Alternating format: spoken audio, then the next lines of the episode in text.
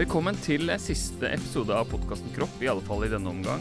Hvor jeg, Erik Andreassen, snakker med folk om noen av temaene jeg har skrevet om i boken 'Kroppsfortellingen om deg', og hva den har med Gud å gjøre.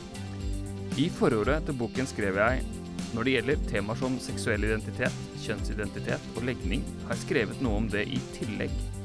Dette er viktige og komplekse temaer som kan, som kan og bør drøftes bedre andre steder enn i denne boka. Likevel håper jeg boka vil være et godt bidrag til refleksjon, uansett hvilket utgangspunkt du har. Og dette andre stedet enn i denne boka er f.eks. i denne episoden, hvor jeg har besøk av Elisabeth Meling fra Skeivt kristent nettverk og Knut Anders Sørum. Hva tenker de om det jeg skrev i bokens tillegg, og hva er deres fortelling? Velkommen til podkasten Kropp. Og velkommen hit, Knut Anders og Elisabeth. Takk, takk. Så gøy at dere er her. Og Knut Anders har til og med medbrakt cola og smil Ja. og New Energy. Ja, jeg merka da jeg skulle gå inn her at å, jeg la på energi. Nå må jeg bare få inn litt litt. raske karbohydrater. Ja, ja. Men Kjenner du ikke adrenalin rundt rommet her nå? At Jo, det er- veldig. Ja, Jeg ja. merka det at jeg trengte det jo egentlig ikke. Ja, ja. Og Elisabeth har kaffekopp, og det er nydelig. Ja, koff masse koffein. Ja, Og fått en cola av Knut Anders her, da. Ja, Mm. jeg kjøpte to for ordens skyld. Ja. Så, men jeg klarer meg uten. Men veldig gøy at dere er her. Eh, dette gleder jeg meg til. Egentlig så skulle jo, hadde jo jeg en avtale med hver av dere egentlig for en kaffekopp og en prat. Og så, og så hadde jeg også tenkt å ha en episode om dette temaet. Så tenkte jeg men la oss bare nå kombinere det. Uh, og, og først ta denne samtalen her Mm. i, som en podkast. Så takk for tilliten dere viser ved å komme. Og hvorfor svarte dere ja? Knut Anders? Vi, Nei, altså alltid en uh, god anledning til å både være med på en podkast. Jeg er veldig glad i podkast, og også snakke om dette temaet. Da. Jeg tror det er veldig, veldig viktig. Og jeg har jo uttalt meg litt om det før i noen mm. kronikker og litt forskjellig, så og syns kanskje Ja, jeg vet ikke. Kanskje jeg har noe å bidra med. Vet ikke. Elisabeth? Ja, mye av det samme. Jeg tenker det er et viktig tema å, å snakke om. Ikke Mm. diskutere, men snakke om. Eh, og litt i forhold til mitt ansvar, og jeg som kommer fra SKN, kristent nettverk, så tenker jeg det er viktig at jeg er med på sånne podkaster. Ja. Når, jeg- blir invitert, så er det veldig fint og hyggelig å bli invitert. Ja, absolutt. Mm. Og jeg har jo lest litt av det dere har skrevet. Det er derfor dere er her, blant annet. Og har jo møtt dere også litt i ulike sammenhenger. Og Senest nå i Bergen, Elisabeth, hvor jeg Mm. talte i Salt Bergenskirken. Og der satt du på tredje rad, eller femte, eller sjuende, eller hva det var. En av de. En av de. Ehm, og det syns jeg er litt artig, da, for man tenker liksom ikke eh, ja, det er folk som ikke, eh, si, passer helt inn i de stereotype boksene, om du vil. Altså sånn, Mm. eh, og Det skal s- litt tilbake til. Eh, og vi skal høre litt hvorfor eh, ikke nødvendigvis eh, Det er ikke meningen å plassere folk i boks fra start her, men eh, det er nettopp det som er også litt komplisert. her. Men dere har jo vært offentlige om deres historie og fortelling. Mm. Og jeg tenkte vi skulle starte eh, litt med å høre deres fortelling. Jeg, jeg skriver i boka om dette her kroppsfortelling, at vi alle har våre ulike kroppsfortellinger. Og man kan også kalle det livshistorie, men spesielt kanskje kobla til kropp, seksualitet. Vi har ulike erfaringer, følelser, opplevelser. Og at vi eh, har mye å vinne på å dele de, da. Nå sier jeg ikke at alle skal gjøre det i en podkast, i hvert fall ikke første gang. Starte med å dele en podkast. Men dere har gjort det offentlig allerede. Fortalt litt om deres, om man vil, det jeg kaller kroppsfortelling. Men hvis vi begynner med deg da, Elisabeth. Ja. Eh, hva er din kroppsfortelling? Ja, si det. Um, for å ta det veldig enkelt, så kan du si sånn at jeg, eh, min kroppsfortelling er at jeg er født i feil kropp. Og nå er det ikke det, Jeg pleier ikke å si det om meg sjøl, men det er det en referanse som mange kjenner til. Men min, min fortelling er da at jeg er kvinne som er, og er transkjønnet, eh, som betyr at jeg er kvinne født i en guttekropp. Um, og så er jeg òg tiltrukket til kvinner, så jeg er da kvinnefødt i en guttekropp tiltrukket til kvinner. Som gjør meg da transkjønnet og lesbisk, selv om ikke alle anerkjenner det. Um, ja, og fra jeg var seks år, så har jeg hele tiden kjent på en mismatch mellom det kroppslige kjønnet og det indre kjønnet. Um, det som mange kaller for kjønnsidentitet. Jeg foretrekker heller å kalle det for det underbevisste kjønnet. Uh, og eh, bar på den uh, mismatchen og kjente på den mismatchen i 30 år. Prøvde å passe inn som kristen Altså, jeg var oppvokst i et kristent hjem og trodde at dette her var, det var en synd mot skaperverket hvis jeg skulle leve som kvinne. Så jeg prøvde å passe inn i alle de kristne sammenhengene jeg var i. Jeg var leder, jeg var barne- og ungdomsarbeider. Um, og gjorde det jeg kunne for å på en måte passe inn i det kristne heteronormative idealet. Gifta meg, for jeg var jo tiltrukket til kvinner. Men så var det hele tiden den ubehaget som, som var nederst, da. slå. Eh, og det kom til et punkt der alt bare stoppa, og jeg måtte Etter å ha fortrengt dette her i så mange år, så måtte jeg bare ta tak i det. Og da eh, ble det veldig klart for meg at jeg klarer ikke å leve videre nå eh, som det har vært. Nå må jeg ta valgene. Um, og valget, er, valget var mellom å leve og ikke. Mm. Og kan du eventuelt si det sånn at det var Altså, jeg overlevde i 30 år, men det var, jeg levde ikke i 30 år, egentlig. Det er nå jeg lever. Ja. Så de siste fire årene eh, etter at jeg skifta, det har Jeg levde 40 år som mann, eh, og det var tungt. Eh, men de fire, fire siste årene har mer enn gitt meg tilbake det jeg har mista i de 40 årene. Så jeg har fått igjen 40 år på fire år. Oi, wow.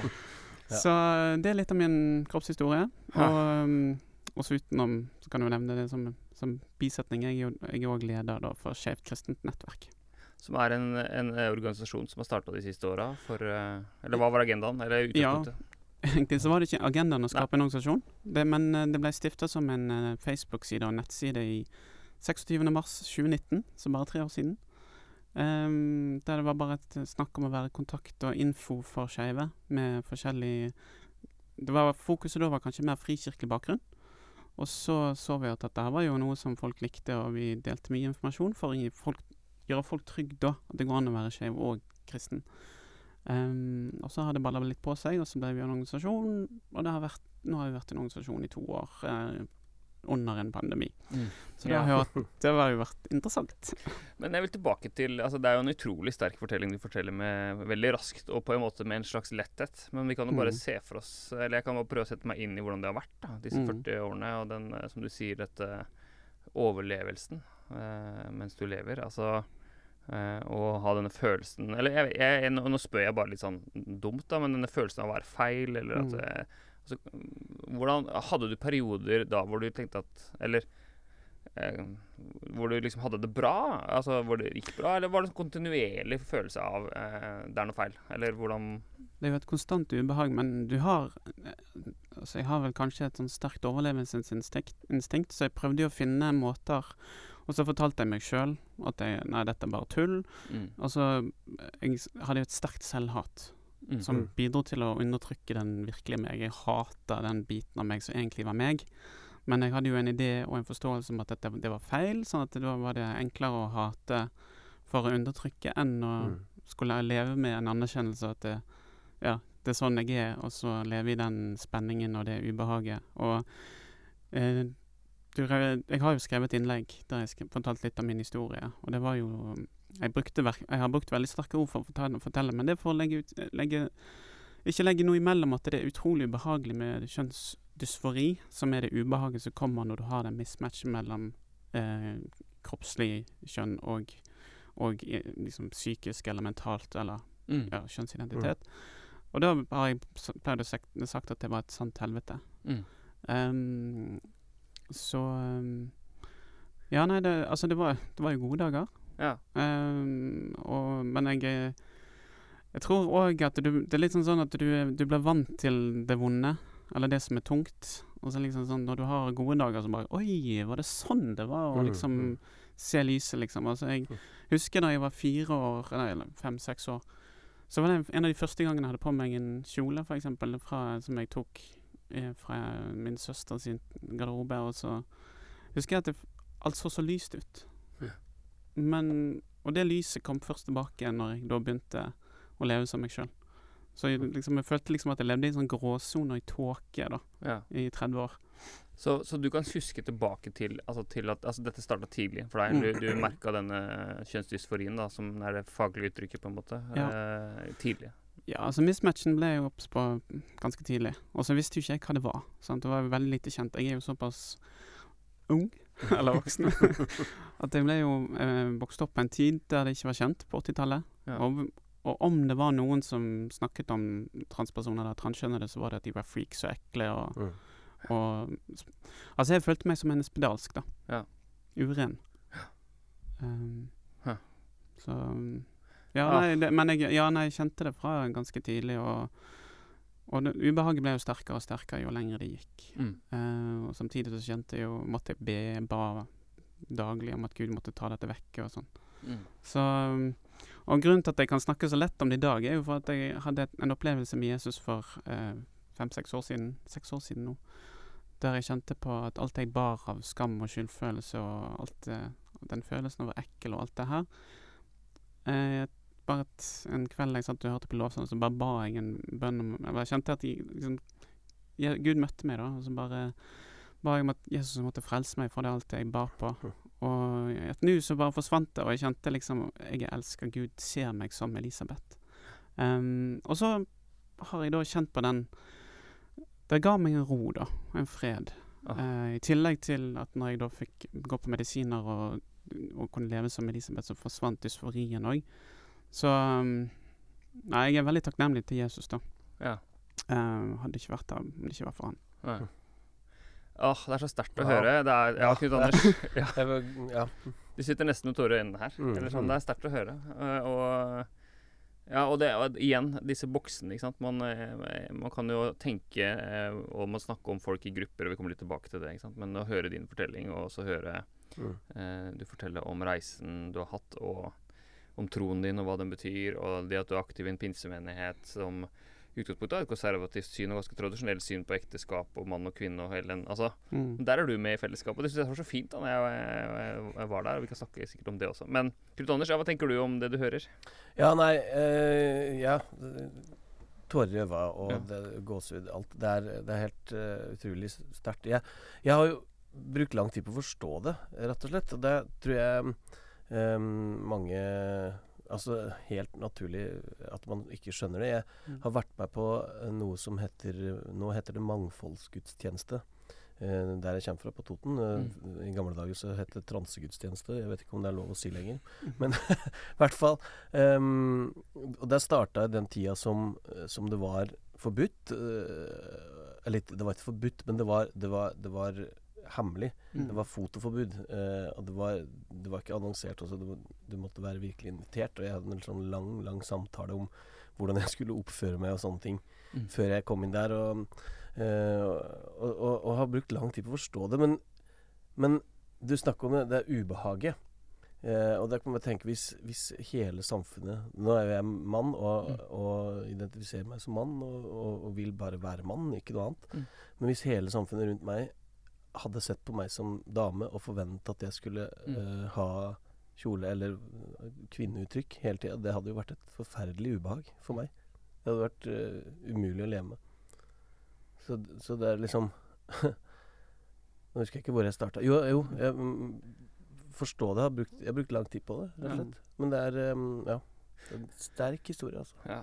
Men Knut Anders, hvis du eh, Det blir jo litt sånn Vi burde jo bare være i denne historien, egentlig. Ja. Vi snakka om den kjempelenge. eh, men, eh, og, og, men sånn er det. det er jo, denne podkasten har jo noen begrensninger i antall timer vi kan holde på. Men Knut Anders, hvis du kan fortelle din, litt om din historie, da. Ja, jeg er jo bare en vanlig homo, skal jeg si.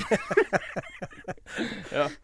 Nei, ja um, Den er jo Men det har jo ikke vært alltid. Eller det har ikke vært Nei. offentlig alltid. Den har vært eh, lang og rar, uh, den historien der også. For, for jeg um, Hva skal jeg si jeg, uh, Hvor skal jeg begynne? Jeg vokste opp i et uh, trygt og godt kristent hjem. Og hatt kristne venner og vært i kristent miljø egentlig hele, hele barndommen og oppveksten. Og, og um, ble veldig engasjert i pinsebevegelsen og forskjellige frie menigheter på Toten. Vi, altså i, i tenåra.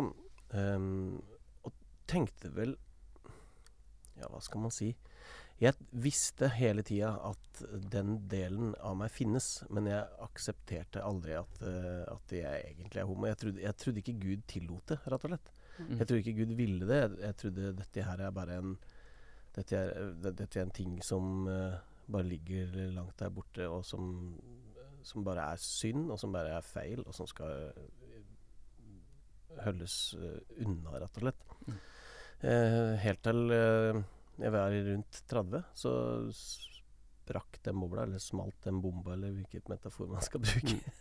og da, da For da møtte jeg kjærligheten, rett og slett. Og det, og det mm, aksepterte jeg ikke. Da var jeg, var, jeg var helt fastlåst på at det der går ikke. Eh, og da hadde jeg også en sånn opplevelse om at Gud sa til meg at eh, nå, nå er det du som stenger for din egen eh, Altså nå er det dine egne fordommer som står i veien her, Mm. for din egen lykke. Og det er ikke jeg som vil dette. Dette er det du som vil.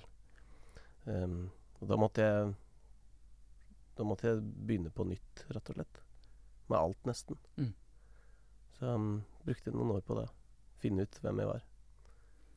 Ja, og det kan jeg også se for meg har vært eh, sånn som du eh, var jo veldig aktiv. Og, eller, altså, jeg har glemt å introdusere deg hva du driver med. Jeg bare tar for gitt at folk vet at du er eh, sanger og musiker og artist. Og jeg har vært med i Stjernekamp. Vant du Stjernekamp? Også var det? Ja, selvfølgelig. Selvfølgelig. Først stiller opp Først stiller opp, så Ja, må du ja, ja. vinne. Også Grand Prix. Grand Prix også. Både Ja. Grand Prix og Stjernekamp. Ja, stemmer det. er det. Jeg, har, jeg, ikke sant? jeg bare kjenner at du kryter Anders. Jeg, vet, jeg er ikke opptatt Ja. av medaljer Nei, nei, nei, diplomer. Nei, men du, Det er nydelig. Så, ikke sant? så du har jo vært- Og så var du jo Jeg husker deg ikke sant? fra diverse festivaltelt og Ja, ja. Expect a Miracle Mm. den het den gangen, og, og det var helt rått. Og, Ja. og i et miljø da som eh, hvor, hvor det du erfarte eh, ikke var tillatt, og fortsatt ikke er det i mange sammenhenger, Mm. konservative sammenhenger, eller tillatt, eller altså man tenker at det er utenfor det som er idealet, eller hva slags ord man bruker om det. da ja, ikke sant.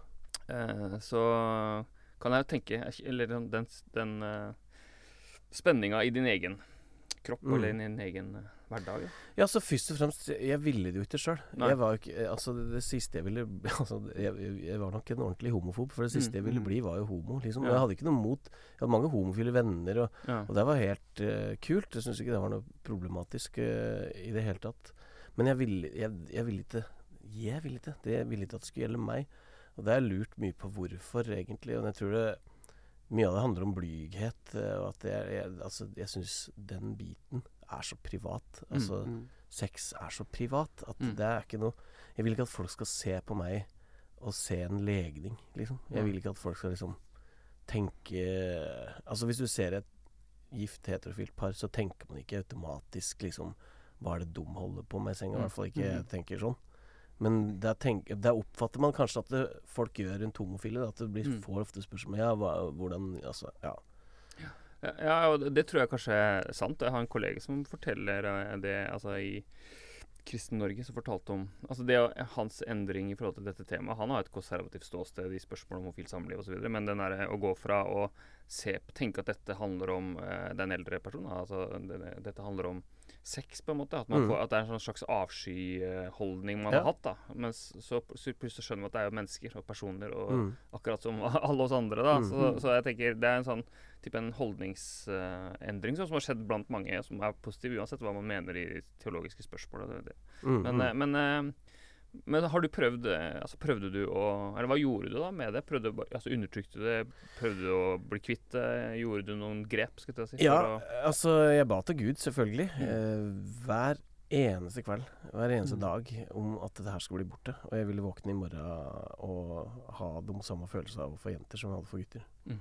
Um, og etter eh, mange, mange år så skjønner man at det der kommer jo ikke til å skje. Det er ikke svar underveis. Mm. ja. Akkurat der. Nei.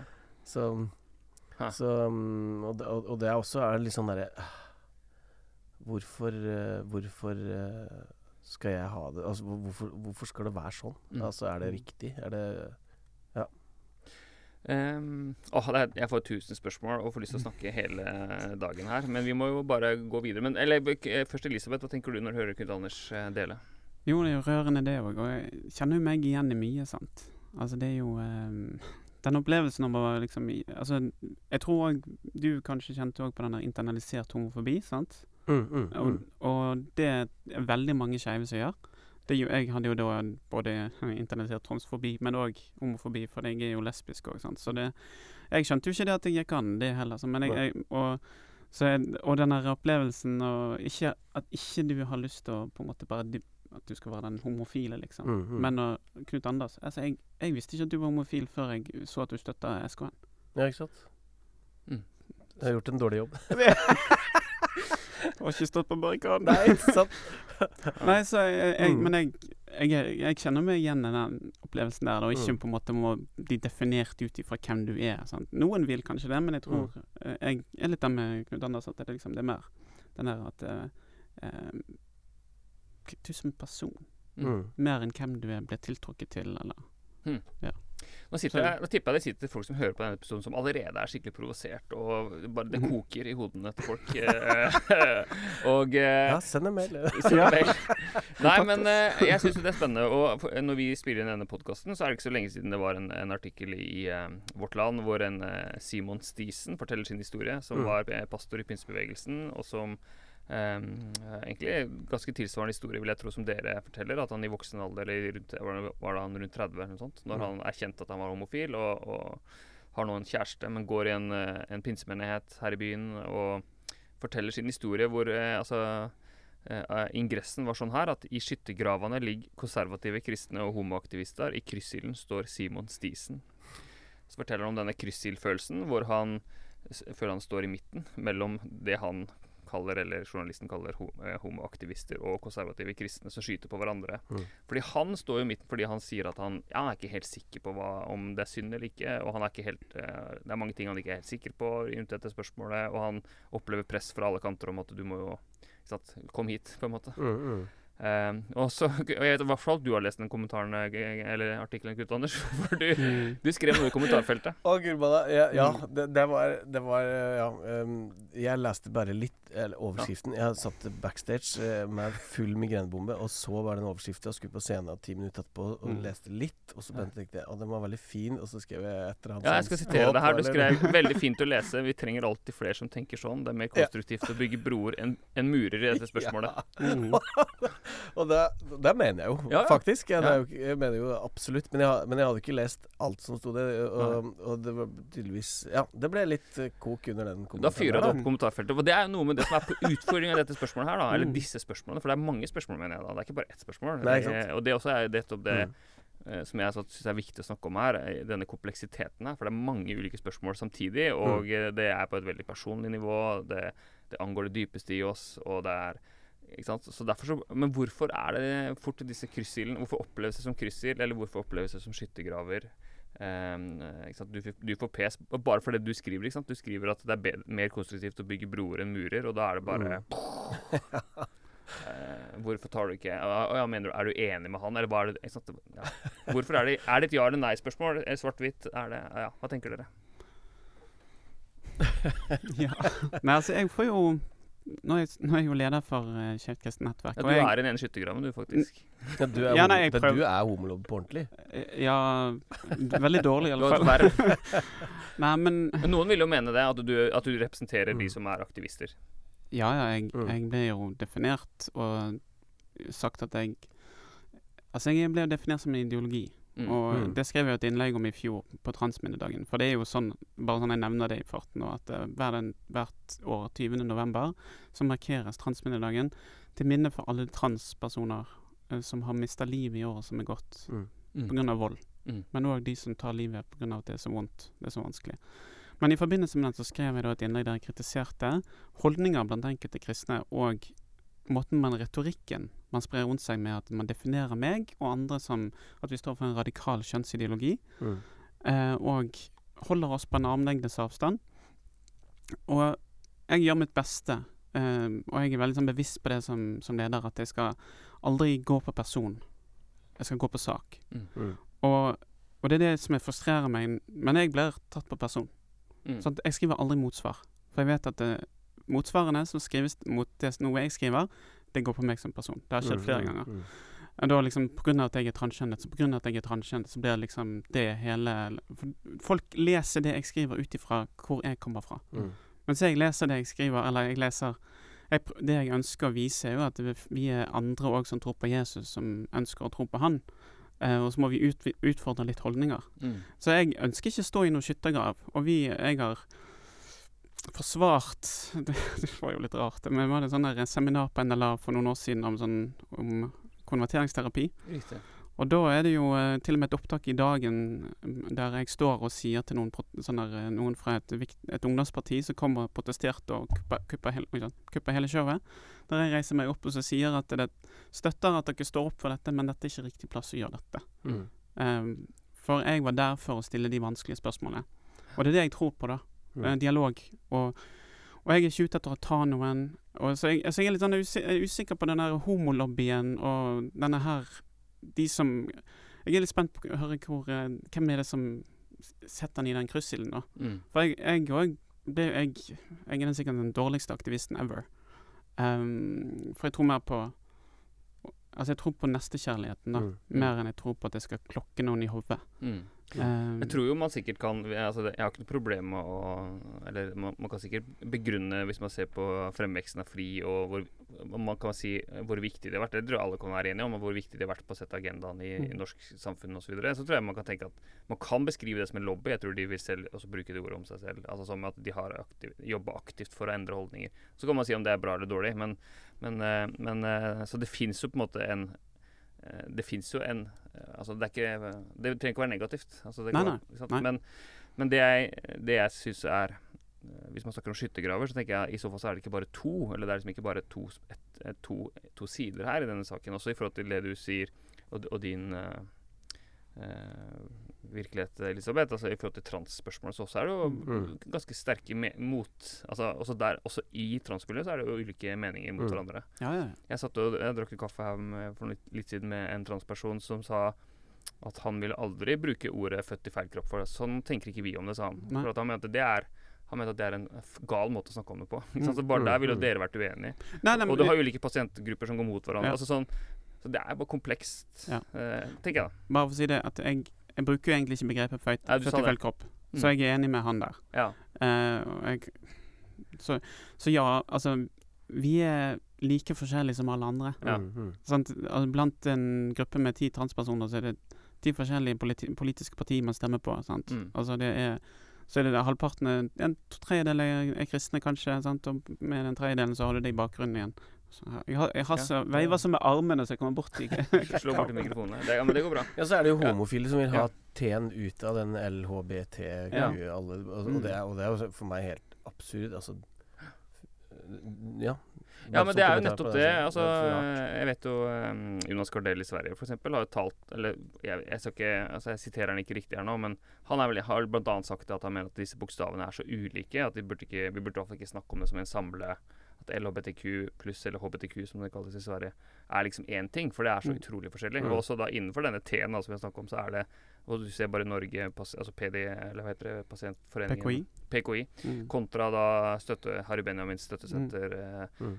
som er begge pårørendeorganisasjoner, jobber med transpersoner som er rykende uenige på et vis. Ja, sant? Så det viser jo bare at igjen da, kompleksiteten eh, Mm. i, i spørsmålene, og, og det å anerkjenne f.eks. kjønnsdysfori som en helt reell eh, eh, si, virkelighet og en eh, diagnose, om man vil, Mm. og samtidig stille spørsmålstegn ved trendene som skjer med alle disse tenåringsjentene. Altså, vi kommer litt Mm. tilbake til det, men liksom, det er igjen, det er ikke bare enten-eller. Og i forhold til spørsmålet om homofil, homofili, så har jeg møtt kristne homofile som ikke vil kalle seg for homofile. Mm. De anerkjenner følelsene, men du har Altså, eller det er et stort spekter der òg, Mm, mm. Anders. Ja, ja. Og, og i meninger. Mm. Så Men eh, hvorfor tror du det blir fort liksom eh, polarisering da, i, om disse spørsmålene? Er det ikke sånn vi mennesker er skapt litt, da? Mm. At jeg har rett, og da tar du feil? Ja. ja, det kan være sånn. Jeg vet ikke. Altså Og så blir det kanskje også eh, greia at eh, hvis du tar feil, så, så mener du at jeg sier at du er feil? eller- Ja, ja, ja. Og det er jo Ja, det er sant. Der skjer jo ofte i, i, i disse spørsmålene at det blir så veldig personlig. mm. Sant? Eh, Hvis, hvis noen er mot homofilt ekteskap, f.eks., eller et eller annet, Mm. så, så berører det meg så kraftig. Ikke Mm. Personlig og privat. Det berører dypt inngripen i mitt liv. Ja. Mens for den som ytrer det, så betyr det ingenting. Sant? Det har ingen, ingen betydning. Det bare det, og, og det tror jeg også mange homofile, eller som støtter homofile i Hva skal jeg si Jeg er ikke personlig berørt i den forstand at jeg, at jeg, altså jeg er ganske sånn inn, passer relativt godt innenfor den vanlige boksen, om man vil. Mm. Ikke sant? Igjen, jeg er jo imot å putte folk i bokser, men jeg er gift mann og lever bra med det. og eh, men, men eh, jeg kan også kjenne dette på kroppen. Også synes det er ekstremt krevende som menighetsleder, mm. pastor for mange mennesker, eh, sier ting offentlig litt for ofte noen ganger, og, og, og sånn Ikke backstage med migrene, eh, kanskje, men, eh, men liksom seint på kvelden eh, og sånn. Så, så, så er det jo Jeg kjenner jo på en sånn utrolig et ansvar for Mm. å snakke om Mm. dette på en bra måte. Ja. Og så utrolig mange Jeg kan kjenne meg i kryssilden, da. Så jeg Mm. begynte å skrive en tekst som besvarte han Simon Stisen i en spalte jeg hadde i Vårt Land, men den har ikke kommet ut ennå. Kanskje blir den, kommer den senere. Hvor jeg sa at jeg har lyst til å stå der sammen med han da, i, i kryssilden. Fordi at jeg jeg, jeg har ikke tro på jeg Både har ikke tro på metoden liksom eh, klare standpunkt og ytterpunktene, at de skal diskutere, og så blir vi enige. For det, Mm. jeg tror veldig mange befinner seg i en slags mellomrom her. At de, de anerkjenner at det er ikke bare svart-hvitt eller ja eller nei eller for eller imot. Det er komplekse spørsmål. Mm. Eh, men vi har lyst til å være gode mot hverandre. Og vi har Mm, lyst mm. til å ha mange felles verdier, da, selv om vi kanskje mener litt ulikt. Men, men, og da har jeg møtt kolleger som er eh, pastorkolleger eller prestekolleger, som også sier at de, de pga. dette spørsmålene eh, vurderer å slutte i jobben. Mm, mm. Og det er ikke nødvendigvis Det kan være folk fordi de enten syns det er vanskelig å finne ut hva de skal mene, eller de Mm. opplever så enormt stort press på at de må mene det eller det, eller at de ikke kan mene det de gjør i den sammenhengen de jobber. Altså det er ulike. Jeg har hørt møtt flere Mm. som også er en sånn som gjør det Nå skal ikke jeg stille, framstille pastorene eller kristne ledere som offer her, virkelig ikke, men det er en sånn utrolig sak som bare Mm. og, og vi snakker masse om det to og to og tre og tre og fire og fire og fem. Altså, og så er det spalter, og så er det diskusjoner, og så er det debatter og generalforsamlinger. Og så kjenner man Mm. sånn derre Kjære Gud, hvordan skal vi Mm. Hvordan skal vi finne ut av dette? Jeg For tror å unngå skyttergraven. Ja, jeg tror det som provoserer mange homofile også, er at det, eh, Eller uh, skeive. eh, la oss Ja. samle det Ja. eh, i en sekk. eh, er at, eh, at den smerten, da, ikke sant, som, Mm. som du opplevde, Mm. og jeg opplevde, som, som mange opplevde, sant, og, og, og gjerne som barn. ikke Sant? At Mm. du allerede som barn merker at det, her er det noe riv ruskende gærent, og levende med dette her. Um, en, veldig, veldig smertefullt, veldig Ja. lenge. Eh, og så opplever man at eh, det blir liksom avvist eh, fra, no, fra en autoritetsperson som ikke har, har Mm. innsikt i hva dette handler om. Som Ja. bare sånn Nei, dette er synd. Dette er Ja. feil. Det står i Bibelen. Bibelens klare ord er Ja. eh, urokkelig. Og så bare sitter man der og, og opplever at man kanskje ikke blir tatt på alvor, eller eh, Mm. at, det, at det blir avfeid så lett, Mm. da. Mm. Ikke sant? Um, og det som er bra med det, at- jeg ble veldig glad for å bli invitert hit, fordi du Mm. gjør jo det motsatte. Du tar dette på dypeste alvor. Ja. Mm. Og det, det Det er ikke så lett når det er uh, skytterkravskrig. Nei. Så jeg tror, ja Det er Nei, derfor jeg også tenker at den, den er ikke konstruktiv, skyttergravskrigen. Den har vi hatt så lenge, og den har, pågått i Den norske kirke Eller pågikk i 20-30 år der. Ikke sant? Og, og, og bare gå tilbake og les de tinga som ble skrevet på 90-tallet og 2000-tallet, og så, og så kom, gå videre, liksom. Mm. Mm. Ikke kast bort 20 år i, i pinsebevegelsen eller hvor som helst med å gjøre de samme tinga en gang til. Nei. Gå videre. Og mange, mange er jo Men mange er Hvis jeg føler Elisabeth slipper til her, altså eh, Det jeg opplever også i mange miljøer, er jo at folk er redd for å bare i det hele tatt snakke om det. Vi var jo eh, Knut Anders, Første gang vi møttes, tror jeg snakka Ja. ordentlig. Det var vel etter Terje Hegertun hadde et innlegg på MF Mm. eh, om sin bok, hvor jeg ble spurt om å ha en eh, respons. Mm. Hvor jeg eh, responderte. Du sang og fortalte litt fra din historie. Eh, og da er det jo Da var det en eller annen avis som hadde skrevet en sånn helt håpløs ingress. Eh, eh, eller tekst. Samme av det, jeg skal ikke nevne den avisa, men det var ikke Vårt Land eller Dagen. Det var en annen kristenavis. men eh, hvor det var liksom Erik vil, eller Andreassen vil eh, Det var så toneangivende pastor vil eh, eh, diskutere homofile ekteskap i Misjonsforbundet eller sånt. Jeg hadde ikke sagt noe av det, men iallfall det var det han hørte, da. Mm. Eh, men da er det sånn Da er det bare den frykten Eller jeg snakker om frykten man kan kjenne i dette Ja. spørsmålet. Du snakker om berøringsangsten, rett og slett? Etter berøringsangsten. Ja. Og denne frykten og denne eh, flight, fight og Mm. freeze-responsen vi har. da Mm. Frykt hvem jeg mener preger så mye frikirkelig samtale om dette. Ja, hvor, hvor begynte jeg? Hvorfor begynte jeg med dette? Jo, og da, mm, da er liksom En del fryktrespons er jo bare at hvis vi bare hele tatt begynner å snakke om dette, så Mm. blir vi hermetegn liberale. Altså Vi kan ikke engang Ja, snakke ja, ja. om tematikken. Ja. For da er vi det, er, det er første steget på en sånn. Så, så jeg har kolleger som mener at vi, vi, vi må ikke snakke om dette i menigheten vår. Vi kan ikke gjøre det, for hvis vi gjør det, så blir vi liberale. Og bare det mener jeg, da kan jeg tenke, da har du utrolig en dårlig sak. Mm. Hvis bare det å snakke om det gjør at du taper, i hermetegn. Så det Ja. raser du jo sammen. ja, da, jeg mener du Mm. har et veldig skjørt fundament for stå, Ja, ståsted, ja. Da har du et- uansett. Da har du et kortstokk-teologi. Mm. Ja, sånn, Hva mener du med det? Nei, At du bygger sånn kort... Eller Korthus. korthus er det vel Mm. heter, ikke kortstokk. Men korthus. At Ja. du, hvis du tar vekk en, ene kortet, så ramler alt. Ja. Mm. Og det er det jo veldig mange kristne som i mange sammenhenger som har på mange temaer. Så jeg, jeg, jeg tenker eh, Det er litt for enkelt å kalle det bare si at du er liberal med en gang du tar tak i det temaet. For og ordene liberal og konservativ kastes rundt og menes er veldig forskjellig. Mm. Sant? Du kommer fra en forsamling som betrakter seg konservativ, sånn som pinsebevegelsen, men har kvinnelige ledere. Mm. Mens andre kristne konservative organisasjoner mener at det å være konservativ betyr at kvinner ikke kan være ledere. Mm. Eller underordning, som har vært et tema noe sånt. Så det der å og jeg vil jo utfordre den tanken om at du med en gang du sier du er konservativ, så er du mot likekjønn ekteskap. Det er jo det som òg Terje Egertun har tatt tak i. sant? At det handler ikke om det. Det handler om Konservativ teologi handler òg om hvordan du tolker Bibelen. Ja. Det, og det er, derfor syns jeg det er veldig frustrerende når, når folk sier liksom er konservative er bare mot uh, likekjønn ekteskap. Nei, det er ikke nødvendigvis det. Det er mange som er det. De har mange som har tradisjonelt syn. Men så er det mange òg som ønsker at ekteskapet skal åpnes opp for, Mm. for likekjønnede par.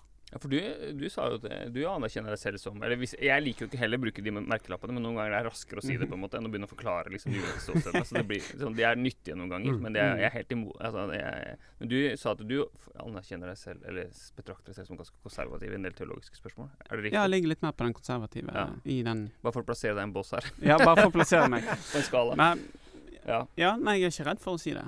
Um, for det er for litt å vise òg at uh, innenfor det konservative så finnes det òg et mangfold. Mm. Ja.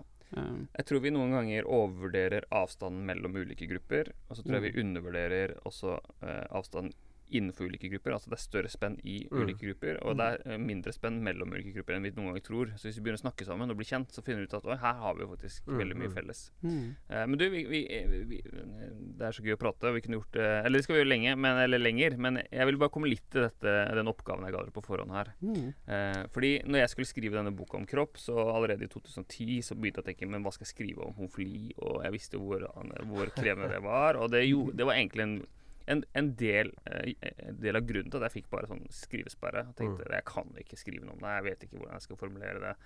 Eh, og jeg spurte en kamerat kan jeg skrive en bok om kropp. Så, da skal jeg egentlig skrive om sex uten å ta opp legning. Og det hele tatt. Mm. Og han sa selvfølgelig kan du ikke det. Eh, og så bare la jeg det bort. Mm.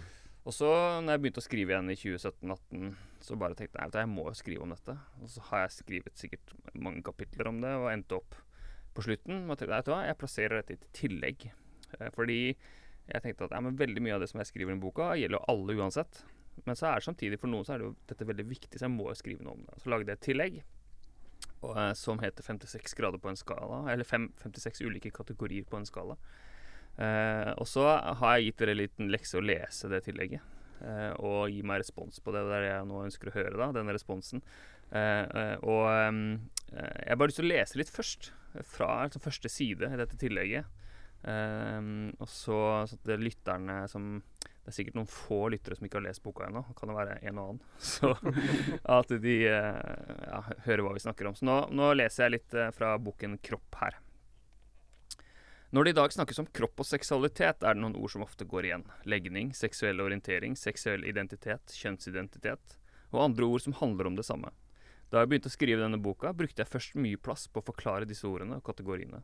Men jo mer jeg jobbet med det, desto mer usikker ble jeg på om disse veldig moderne ordene var til noe hjelp. Jeg tenker at begrepene kan være nyttige i den forstand at de kan brukes for å beskrive følgende. Vi reagerer og fører, føler ulikt i møte med våre egne og andres kropper. Og det kan være godt å finne kategori å passe inn i om du tror du er alene om å reagere eller føle som du gjør, eh, eller du tror at det, er, at det du kjenner og føler er feil. Om du føler det slik, kan det være viktig at du snakker med noen om det, for mange opplever det veldig krevende, ja nærmest umulig, å stå alene med det. Likevel lurer jeg på om alle disse begrepene noen ganger er mer forvirrende enn de er til hjelp, i alle fall når du er ungdom. Jeg er bekymret for at disse ordene, som egentlig skal hjelpe oss å beskrive oss selv, heller låser oss fast enn gjør oss frie. Som et eksempel kan du på Facebook velge mellom mer enn 50 ulike beskrivelser av eget kjønn, i tillegg til uttrykkene vi bruker om de biologiske realitetene hannkjønn og hunnkjønn, nemlig mann og kvinne. Hvordan skal du vite nøyaktig hvilken beskrivelse som passer? Når du er ungdom, og kroppen og hjernen er i endring, føler du mye og sterkt. Og du, akkurat, om du akkurat da skal forsøke å finne ut hvilken kategori du hører hjemme i, så er jeg redd at det blir mer stress enn til hjelp. Det er komplisert nok å være menneske i puberteten om du ikke i tillegg skal plassere deg på en rekke skalaer med tanke på kropp og seksualitet. Punktum. Altså, eller der setter jeg punktum nå for opplesningen. Så der står det jo en del mer. Jeg skriver om eh, ulike meninger om homofili og ja, trenger ikke å finne ut av det nå, kaller jeg et avsnitt. Og eh, fortell alt som det er, som er en oppfordring. Men eh, Knut Anders, du fikk jo faktisk eh, lese dette tillegget Ja. før det ble ferdig, Mm. og ga noen veldig viktige innspill. Men fortell hvordan det var å lese teksten første gang. Og, ja. Ja, nei, jeg, jeg visste jo ikke noen ting om hva som uh, Og dette handler om, og, og jeg, jeg kjente jo ikke det heller. Så jeg, og ikke menigheten så veldig godt. Så jeg, så jeg var litt sånn Ja, nei, jeg leser med et åpent sinn. Og, og syns det i hovedsak er veldig fint, altså. Jeg likte veldig mye av det. Um, og så hadde jeg et par uh, kommentarer uh, som eh, Litt lenger ned her. Mm. Um, eh, ja, det er et langt stykke som egentlig handler om at du ikke må finne det ut nå og sånn, bla, bla, bla. Men, men um, det er, du må skrive 'dette gjelder for alle', uansett om Ja. du er homofil eller ikke. ja, At du elsker Gud, tror Ja. tror jeg. Og, Mm. eh, Ja, det er skrev så tror jeg du ønsker at, du, at det spesifisert skulle gjelde At det gjelder også Mm. om du har, er homofil. Ja. og da skrev jeg det inn, og det var veldig Mm. viktig. Du sa at dette gjør hele forskjellen, skrev du. Og, det, og, Ja, og for meg var det også viktig å få det med. Fordi at du, du sa også at det, ehm, Les dette her som om du er eh, 15 år gammel, Mm. eh, og, og tenk liksom Hva ville gjort forskjellen? Mm. Og, og da, da, da leter man jo I hvert fall jeg ville gjort leter med lys og lykte etter den ene setningen som sier eh, Gjelder dette egentlig meg? For at det um, Veldig mange fi, altså, fine oppmuntringer, og du er, du er bra nok. Altså. Ja, alle ja. sånne der, Du er Guds så. Ja, du er Guds barn. Altså, alt det der er Det er veldig fint, ehm, men, men det er liksom det, det håndfaste som som, ehm, som kan forandre noe, da. Mm. Sant? Dårlig eh, metafor eller eksempel. Jeg kunne gitt tusen forskjellige eksempler hvis du er på audition og de eh, til en rolle, og så sier eh, hele panelet at du er kjempetalentfull, du er Ja. dritflink, du er alt som er bra. Um, så, så hjelper ikke det noen ting. Det eneste som hjelper, er Vær så god, du fikk rollen. Ja. Sant? Ja. Mm. Så, så, det er, så jeg tror på det, det, det konkrete tinga der, da. Altså, Ja. dette, gjelder dette i meg? Er det Ja, som er egentlig spørsmålet? Ja, og kanskje er det Mm. et spørsmål til alle som eh, eventuelt har et konservativt ståsted i samliv eller ekteskapsspørsmål, men som bruker fine ord, men så er Mm. det på en måte det gjelder ikke helt hele veien allikevel. Er det kanskje det Ja, Og det er, man jo, det er man jo vant til. mm. Ikke sant? Eh, Når jeg kom ut til eh, mine kristne ledere, så var det jo liksom var veldig mye støtte, veldig mye flott. Mm. Men, men det var jo egentlig ikke det. Sant? Det, er, det er det motsatte. Det er, jeg visste jo at jeg måtte bare slutte. Mm. Jeg visste jo at jeg ikke, ikke kunne synge lovsangen lenger. Jeg visste, jo, visste jo det tinget. Sant? Mm. Eh, Og det hjalp ikke hvor mye støtte man får, på en måte. Det, det er sånn eh, vi og forbønn. Det er flott. Mm. Mm. Ja. Men det er, og det er veldig viktig med det. Men, men det er det håndfaste, da. Ja, for det jeg tror jeg skrev, som du kommenterte på Jeg bare ser, måtte finne det sjøl igjen nå. Altså, jeg skriver noe om at For det jeg er bekymra for, er jo Og det kan vi sikkert også snakke mer om, vi burde ha flere episoder, jeg kjenner. Men Ja, ja. det kan, kanskje lage et prosjekt. lage en egen podkast om Mm, dette. mm. Men, eh, eller en egen serie om dette. Men, men eh, jeg er bekymra for en del eh, trender i vår tid, da, hvor, hvor ungdom opplever Eller sånn utrolig press på liksom Ja, hva er du? Du må lande hva du Mm. er. Ja. Enten om vi kommer til kjønn eller legning. Og, Mm. og det er derfor det er denne 56 grader på en skala. Er, du, er, du, er du nummer 42 eller 12 eller 1? Mm. Altså, som jeg er ganske sånn Når jeg snakker, ser på en ungdomsgjeng, så vet jeg hvor mye forvi, Ikke forvi, altså, o- Nå bruker jeg ikke ordet forvirring som en sånn der, bare sånn slenger det rundt som en sånn usikkerhet. da Mm. Eller en, Mm. Og hvis, hvis du som ungdom liksom får høre fra dine venner Ja, hva er du, eller er du sånn, eller Mm. Så er jeg Det er jeg bekymra for, da. Mm. Samtidig som jeg, det, det jeg da la til Liksom. Så jeg sa du, slapp av, dette går bra. Du er, du er elska. Det var det som jeg ville ha Mm. fram. Eh, og så denne setningen som jeg la til etter at du etter vår dialog, var jo dette gjelder, dette gjelder jo alle uansett, og selvsagt også om du er homofil. Mm. Eh, fordi at eh, Jeg mente at det gjaldt alle, men Mm. det var viktig, syns du, at jeg liksom definerte ja. selvfølgelig For jeg, for jeg skriver noe all, Du kan jo føle dragning mot samme kjønn når du er ung- ungdom, uten Mm. at du er homofil. Altså Undersøkelser viser jo at det er mange flere som kjenner på homofile følelser i ungdomstida, enn de som ender opp i hermetegn Mm, som mm. homofile. Så det betyr at hvis du som 15-åring får høre at du føler du er, du er seksuelt tiltrukket til samme kjønn, ja, da er du homofil. Mm. Eller da er du bifil. Eller da kan man si nei, hva, følelsene våre, kroppen vår går alle mulige veier, eh, så slapp av. Men det Mm, kan hende du er det. Og da er du Ikke sant. Det, det er noe- sant? det er det, det det, er det er veldig, sånn, det, det er veldig viktig, og det er riktig. Eh, men, men det som ofte Det man er vant til da, Ja. fra kristne, eh, fra, fra, fra kristne Ja. adresser, er at, at, man, at man hele tida Det er en agenda om at, at du er egentlig ikke eh, det er ikke bra. Nei, Altså, det beste er om du lander på beste er altså, og, og den snikende følelsen kan man få, da. Ja, og det, det stilte du meg. Er det, når jeg, du sa det, hvis jeg bare refererer til vår dialog, at det, du fikk litt følelsen at det er Slapp av, ta det, bra, eller ta det rolig, det går bra, men det beste er om du ender opp sånn. Ja, ikke sant. Er det der, man, er det der Ja. du egentlig vil si, Ja. så Og det syns jeg, det, det spørsmålet tar jeg til eh, etterretning. mm. ja, da. Jo, men Etter, sant, etter ettertanke. For jeg, Mm. jeg skjønner det Altså det jeg vil kommunisere, er til ungdom at vet du hva um, for, Ja, for jeg Igjen. Jeg tror hvis man lager norm da, ut av enkeltfortellinger, mm. så er det noen andres fortelling som ikke passer inn. Absolutt. Uh, og jeg har også møtt homofile som Og det her er ekstremt, kan være kontroversielt i noens eh, ører, men som, som har en veldig erfaring av eh, Eller spesifikt, spesifikt ei, eh, som, som opplevde at hun gjennom ungdomstida kom ut som lesbisk, Mm. levde som det, hadde sine seks, første seksuelle erfaringer eh, som, eh, i, med en jente. Men som også opplevde utrolig trøblete ungdomstid, og som gjennom det erkjente at hun hadde eh, blitt utsatt for overgrep i, Mm, mm. i mange år i barndomstida, og det ble rettssak, anmeldelse osv. Og når hun begynte å jobbe med den tematikken, så merka hun plutselig at hennes seksualitet åpna seg opp. Ja. Plutselig så merka hun alt det, alt det hun hadde ikke kjent en eneste god følelse for en, en mann. ikke sant? Og så plutselig så Mhm. Å nei, vet du hva, jeg var faktisk kanskje ikke lesbisk som jeg trodde, men jeg Men det var Altså, hun knytta sin sine seksuelle dragninger eller lengsler til eh, ja, blant annet de, den traumeopplevelsen hun hadde. Mm. Og så vil jo da motspørsmålet være Å ja, så du sier at alle lesbiske har opplevd eh, Nettopp. overgrep? Mm. Nei, overhodet ikke. Men hvis Mm. man, sier, hvis man har sagt til henne på 15 at ja, men du er sånn her, du er skapt i Guds bilde, det, er, det, det, det må du leve ut, så hadde kanskje ikke hun fått hjelpen til å ta tak i de tingene som hun Mm. trengte å ta tak i.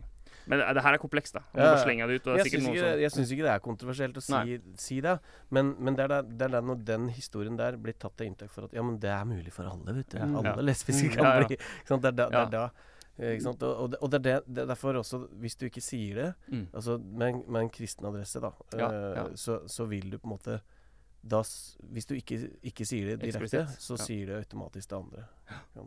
Hvis At du det beste er om du Ja, ja jeg, Ja, jeg for det veldig godt. det er som egentlig alltid blir sagt. Jeg skjønner. fra- Ja, men det, det er en utfordring Mm. som, uh, som vi har, da. eh, uten tvil. Også, Mm. Men vi må eh, virkelig tenke gjennom. Men Elisabeth, uh, altså nå snakka litt om legning fra Knut Anders her, kanskje hovedsak. Men også, det gjelder jo deg òg. Men uh, hva Mm. tenker du i forhold til dette med kjønn, da? Og, ja, hvordan leser du ut dette tillegget? Skulle det vært litt mer om kjønn, Ja, skulle vi vært helt ærlig. ja det er sant. Ehm, altså, og eh, Altså, det var jo eh, Jeg syns òg, som, som ble sagt her, at det var jo et bra tillegg. Eh, samtidig så er- skal jeg være litt ærlig, så, Ja, så, så er det liksom det med at det blir et tillegg. ja. Det blir vel liksom sånn NB. ja, ja. Sant? Mm. At det finnes disse isteden. stedet. Så min, min anbefaling til en eh, neste edition ja. er at du baker det inn ja. i boken, at det blir en del av hele fortellingen. Andre opplaget. Ja. For vi er en del av hele fortellingen. Mm. Mm. Sant? Men vi blir ofte Og jeg sier ikke at du har tenkt det sånn, eller ikke noe vondt ment mot dette, da, men det er bare en sånn referanse. ja, men det er interessant. Det kan jo leses sånn også, som at dette er en slags eh, Ja, ja. og så en annen ting som jeg eh, generelt sett har litt sånn eh, et, ord, et ord eller noe som brukes som jeg ikke er så veldig fan av. Ja, og det fortell. brukes av både heterofile og skeive. Men det er jo ordet som du skriver her litt om homofile følelser. ja, riktig. For det er ingenting som Homofile følelser er et konstruert begrep. For å definere homofile sine og lesbiske sine romantiske følelser som noe annet enn heterofile. Mm, mm. Men eh, hetero, eh, homofile følelser eksisterer ikke i sin egen ting. Nei. Det er bare en referanse til at vi er homofile eller lesbiske. Ja. Så der jeg vil heller Ja. liksom snakke om romantiske følelser Mm. for homofile og lesbiske. Ja. Jeg skjønner at det er en enkel måte å gjøre det på, men men det er det er, men det er en måte at du definerer homofile For det er mange som gjør det, skjønner. I Mm, mm. offentlig prat snakker om de som har homofile følelser, og da blir det liksom noe annet enn heterofile. Ja. Og jeg er jo vokst opp i en guttekropp. Levde 40 år som mann. Var gift. Da hadde jeg Da, da var det naturlig. Nå når jeg lever som kvinne, så er plutselig legningen min unaturlig. Og det er ikke, jeg går ikke fra å ha heterofile følelser til å ha homofile følelser nå. Nei, har Jeg har romantiske følelser, Mm. eller Ja. følelser. Ja. Eh, også en annen ting Jeg tar den. Mm. Ja. Jeg, jeg, jeg, jeg har ikke tenkt på det sjøl, og det er et veldig viktig, veldig viktig poeng. Ja. Mm. Jeg fortsetter, Elisabeth. Ja. Ja, og en annen referanse til i forhold til kjønn. Mm. Um, eh, hva var det jeg skulle si der, da? Jeg nå datt litt ut her. Men eh, i forhold til det med å eh, altså, Når vi snakker om født i feil kropp, f.eks. Litt Ja. av den definasjonen. Når man bruker ordet født i, eller den begrepet 'født i feil kropp' og sier at jeg føler meg som mann eller kvinne, Ja. så betyr så er det en referanse til noe som sitter dypt. Ja. Det er en måte å fortelle en historie på. Mm. Sånn som noen har sagt, eh, liksom, definert meg som ideologi bare av at ja, men du måtte snakke om ideologi av at det er følelser det er snakk om. Og liksom, jeg jeg er blitt tillagt en del meninger som jeg ikke har i offentlige, Mm. i, i, i leserinnlegg. Uh, i ting som jeg ikke har skrevet, men allikevel blitt Mm. uh, Ja. Litt av det som skjer, som jeg sa, derfor jeg ikke skriver motsvar. Men når, du, når folk sier f.eks. Eh, 'jeg føler meg som kvinne', så er ikke dermed sagt at kjønn, eller kjønnsidentitet, eller underbevisst kjønn, er en følelse. For det, det sitter så dypt. Men hvordan kan jeg ellers forklare hvordan det oppleves å være født i feil kropp, f.eks., eller å ha et At jeg, da, som er kvinne født i en guttekropp eh, Da må jeg jeg bruker forskjellige ord, litt, for jeg er veldig bevisst på dette her. Ja, ja. Men for andre som ikke er så Mhm. bevisst på det, sånn, så jeg bruker de det. det, og, det og du skrev litt om det her, at det liksom for det eh, Skal vi se Du skrev noe om at vi- for følelser kan endre seg. ja. Eh, og det er ikke sikkert du trengte akkurat på det med kjønn, Mm. Men det er veldig mange som sier ja, men det kan endre seg. Ja. Som du refererte f.eks. til det der tenåringsjenter ja. som noen Eller jeg vil kalle de de som da begynner behandling, de er gutter ja. født i en jentekropp. Ja. Eh, og så er det my mye sånn snakk rundt disse tingene, og veldig mye er dessverre basert på veldig dårlig forskning.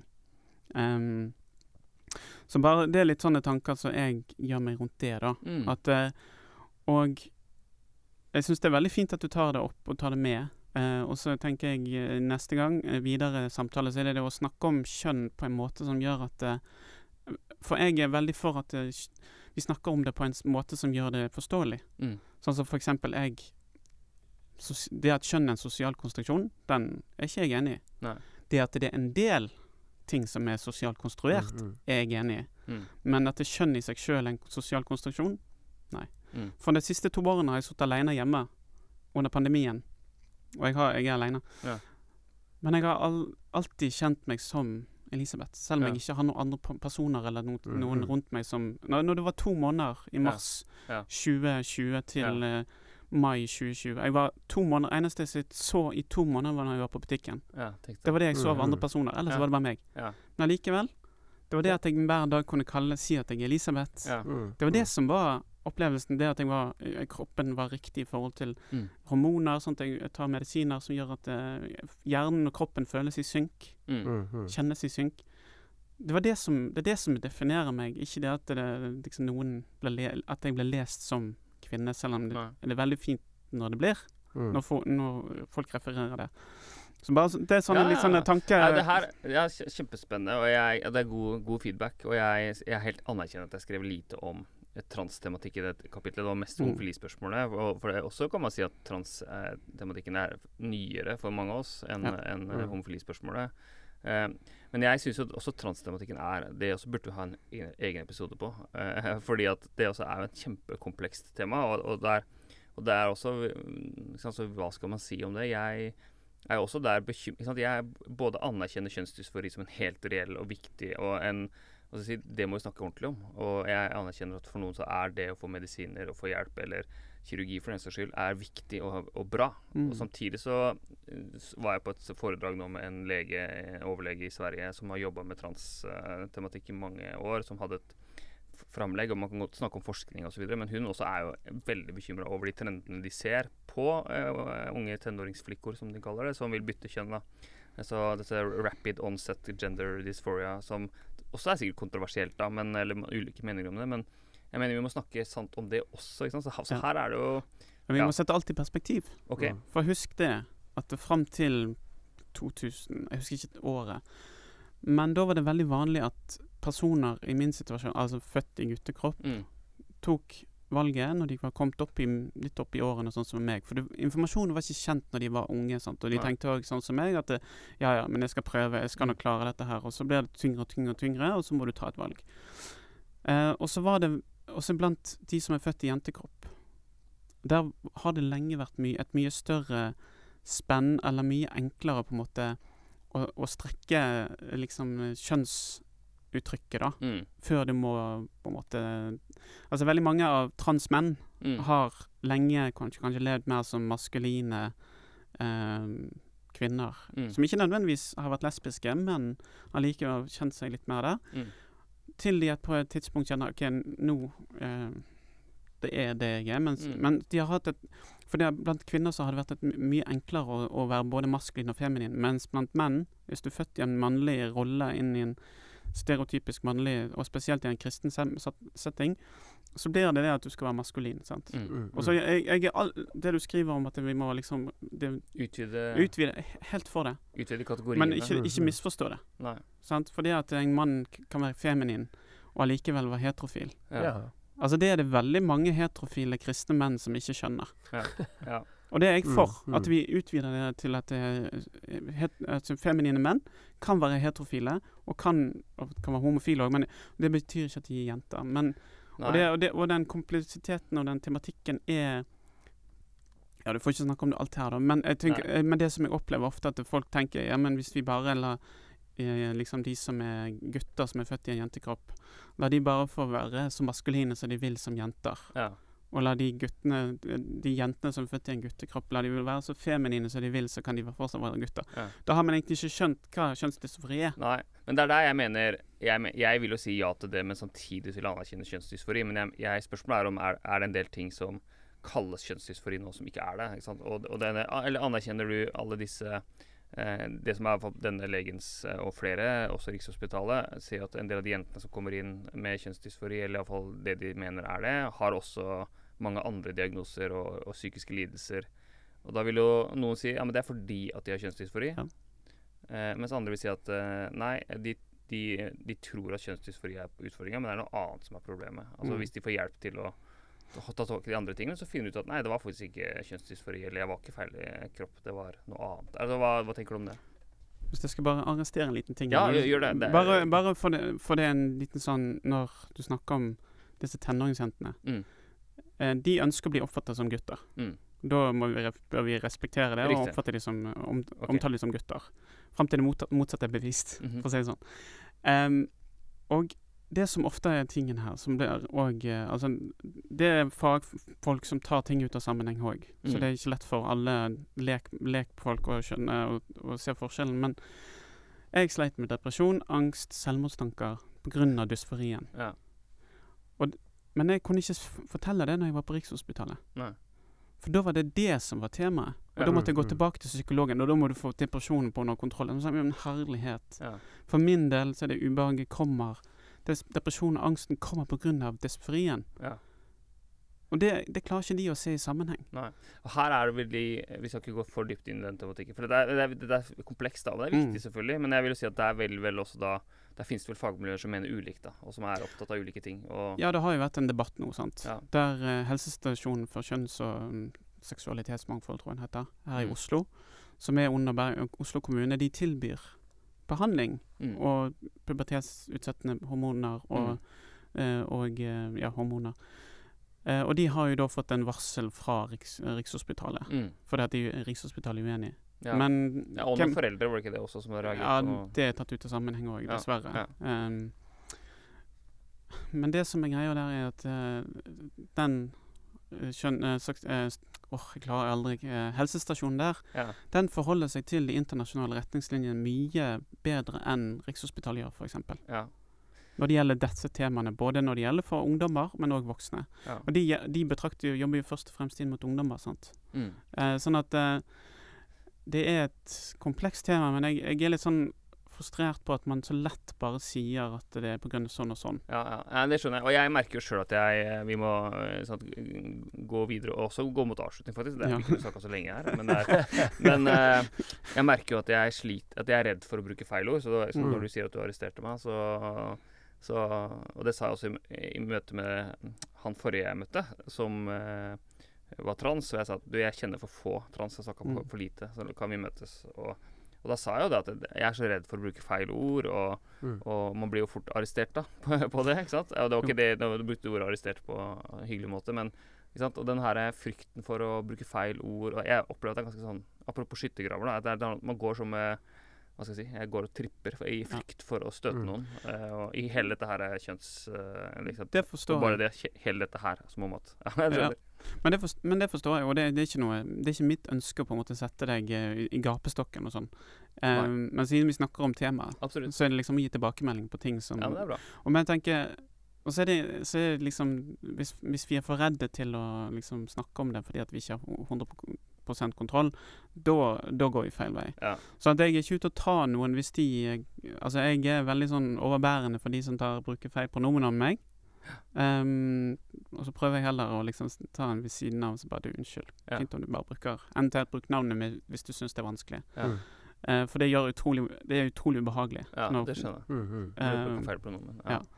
Men, men uh, Så jeg tenker vi, hvis vi kan være litt rause med hverandre, og skape det rommet der vi kan kanskje prøve og feile, og så Mm. lære men, men, Og jeg tror det rommet skapes når vi lytter, sånn som Mm. vi gjør nå. Mm. For når det er bastante holdninger, som jeg har opplevd, og som jeg er blitt på en måte utsatt for, Mm. og har opplevd transfobiske kommentarer og, og sånn, så kommer vi ikke noen vid vei videre. Nei. Og da blir denne, eh, Da blir vi holdt på armlengdes armlengdes avstand, uansett om du er trans eller LHB. Og så, glem, så en ting som vi snakka litt om her i sted, som jeg bare Mm. tenkte jeg skulle nevne. Bif, bifile og panfile. Mm. Du skriver litt om det i den boka. sant? Og det er en veldig misforstått gruppe. Riktig. De tror, folk tror jo at panfile og bifile er poli, ja. Ja. Mm. men det er jo ikke det. Nei, de, vil men de kan uh, kjenne tiltrekning til flere kjønn eller ikke, osv. Ja, Men ikke på samme tid. Nei. Eller nettopp. kanskje på samme tid, men det er sånn at eh, menn Både homofile og heterofile menn Mm. kan kjenne tiltrekning til en annen samtidig som de er sammen med noen. Sammen med kvinner og sånn. Så det, der, eh, det blir ofte gjort til at uh, enkelte grupper Sånn som når jeg hører om menn som er gift med en kvinne, men kjenner på tiltrekning til, til menn. Så Ja. ja. Jeg, ja, ok, Da er de egentlig mer bifile eller panfile. ja, jeg tenkte det er egentlig det. Ja. Ja, eller det, ja, ikke sant. Men, er det, men, Mm. men det her vi, satt igjen, vi kan snakke lenge her. Okay? Ja. Men det er jo alle disse Det er her jeg tror også mange av mine kolleger eller andre bare kjenner at okay, vi Dette blir altså, for stort. Det blir for stort Mm. for mange ting å sette seg inn i, og så må jeg sette meg inn i alle disse ulike variantene. Så, og så kommer det, dukker det opp nye Mm. legninger på en skala. Og sånn Pride-flagget hørte jeg nå sant, Det var for et par år siden hvor, hvor det kom noen ekstra trekanter på for å For å være enda mer inkluderende, fordi det var grupper som ikke var inkludert i det opprinnelige Mm. Pride-flagget. Og da syns jeg da at det blir komplisert, og det bare viser ja. Ja, så, så, ikke sant? Og, og, og da spør jeg er det en god vei å gå. Ikke sant? Jeg og hva si, sier Bibelen ikke- Bibelen om dette oppi det hele? Ikke sant? Og Hva sier det i Bibelen? hvert fall komplisert. Nettopp. Ikke sant? Som jeg prøver også å, å, å lese verden i, eller som jeg lever ut fra, og som jeg tror er en god historie. Så er det jo ikke sant? Da blir det komplisert. Og, Mm. og det er derfor jeg sier, kan vi ikke si at vi er, eh, vi er mennesker, og vi er personer. Mm. Og så opplever, føler vi ting Vi opplever ting ulikt. Men la oss snakke om oss som personer. For det er der jeg er bekymra for disse ja, Hvilken farge er du i dette spek store spekteret? Mm, mm. Hvilken Og da kan hele denne mangfolds... Hvis jeg får bruke greia, mangfoldsgreia, er jeg redd for at det kan bli en, et, eh, en jungel da, som uh, unge folk også går seg vill i. For at jeg, jeg må finne ut hvilken farge jeg er, hvilken kategori jeg er. Hvilken, Mm. Er jeg panfil? Nei, er jeg bifil? Nei, er denne varianten her? Altså, Mm. og så er jeg redd for at det blir Mm. eh, ikke til hjelp, da, som jeg skriver i innledningen. Mm. Men så må vi snakke om det, og vi må hjelpe folk. Og jeg, har, jeg vil både liksom ha enorm empati og, og støtte den enkelte, eh, Mm. dere to og alle andre, samtidig som jeg tenker jeg vil se på den store sammenhengen. og Hva er trendene her? og Er det en god utvikling? Hva er det som er bra? Hva er dårlig? Altså den vurderingen, da. Og da må man være, tror jeg, i mellomrommet og ikke i skyttergraven. Prøve å se okay, hva, La oss se på dette med, fra ulike vinkler. Og, Ja, jeg tror Og det viktige her er å se mennesker, da. mm, Og, liksom, og det viktigste som kristne er jo å se mennesker skapt i Guds bilde, mm, som du òg skriver om. sant? Ja. At vi, og vi er skapt til å elske, vi er skapt til å være i fellesskap. ja. Og det, er- og det er jeg tror det er veldig viktig Altså Nå har vi et fellesskap her, Ja. der vi kan vi er enige om noen ting, og vi kan ikke være uenige og, om andre ting. Men det der og, Det er der vi kommer oss et stykke videre da, enn at vi sitter Da blir vi Altså, skyttergravene jeg, jeg kan ikke si at jeg har opplevd så veldig mye skyttergraver annet, eller, annet enn de som prøver å ta meg, da. Mm. Jeg har prøvd sjøl å ikke være så veldig Nei, jeg opplever jo deg Jeg tror kanskje ikke jeg hadde invitert deg hit heller hvis jeg hadde opplevd at du var veldig en skyttergrav. og det er bare for å vise mangfold der, så sa jo du til meg ikke sant? Ja, men det er noe av det vi SK1 har gjort som jeg kanskje ikke er helt enig i. Altså Det viser jo igjen bare mangfoldet. ikke sant? At i hver Mm. gruppe også er, man- er det ulike meninger. Knut Anders, nå har du sittet og lytta lenge her. til Ja, ja, dette. Jeg beklager. Nei, altså, jeg har, jeg har ikke noe Dette er veldig spennende å høre på, rett og slett. Mm. Men jeg tror også det der eh, Hele den derre Derfor jeg også satte et stort hjerte bak det, det, det avsnittet der. Fordi at det, Fordi at det, man må liksom bare Jeg er helt enig med deg. Man må bare senke det ned litt og bare Ja. si som Alf Prøysen Er dette egentlig så farlig? Ja. Og, så, og så tenker jeg altså jeg, jeg sier jo at jeg er homo, men det er jo fordi at det er det enkleste. Mm. Mm. For eh, realiteten er vel egentlig at jeg er en slags bi et eller annet. Men, Mm. men det blir så komplisert. Ja. Og nå er jeg sammen med Andreas. Mm. Og det har jeg vært i mange år. Jeg til, altså mitt, mål er, eller mitt ønske er å bli gammel sammen med han. Mm. Mm. Og da Mm. Hvis jeg skal begynne å blande andre ting Hvis jeg skal begynne å si at jeg er bi, som, vi, som da antageligvis er det som er sann, mest sant, Mm. så blir det jo vanskelig for folk, da. Men kan man ikke bare si at du er skal, du Knut Anders? men skal du ha ei dame altså, Nei, nei, nei, nei. nei. Jeg er ikke jeg, Det er ikke Det, der er Eller ja, bare si at du, har, du er sammen med han. ja, det er det jeg sier. Altså jeg eh, og er der jeg har ikke noe behov for Nei. å på en måte bli satt i en bås. Nei. Så når jeg er på jobb, snakker vi om jobb. Ja. Jeg går ikke Mm. rundt og har en sånn stempel i pannen som sier at jeg er liksom trans, eksempel. Ja, jeg sier kall det hva du vil. Samboeren min heter Andreas. Skal du Ja. ja. Men der vil jo, Hvis jeg skal ta på meg den konservative hatten, så kan noen si at ja, men det er derfor man kan holde fast, holde fast ekteskap mellom mann og kvinne som rammene. Og så vil folk være annerledes og ulike, men vi løfter fram det. Og så vil jo ikke jeg si at da kan man bare velge å leve i det, for det er helt åpenbart at man ikke kan. da. mm. Uh, nå vet jeg ikke hvorfor jeg dro inn denne her, egentlig. Men uh, Jo, nei, for jeg, jeg, mener, jeg mener det ikke. Men noen vil høre dette Ja, og tenke ja. Anders, Men da kan jo du bare Da kunne du jo bare valgt det. Mm. Eller noen vil si nei, vet du, alle er på en eller annen skala og kan velge å styre lysten sin. Ja, er sånn, men skal jeg jeg, mener ikke at det er en god vei, men jeg bare sant, sier Skal jeg si til den personen Ja, men du, du skulle ikke valgt kona di. Du Ja. skulle valgt en annen fordi det er noe feil med kona di. Hun, Ja. har, en eller annen, Ja. hun har en eller annen egenskap som ikke passer inn i vår menighet. Du velger jo ikke Altså, hvem du blir nei. forelska i. Eh, det, blir helt, det blir helt absurd. Ja.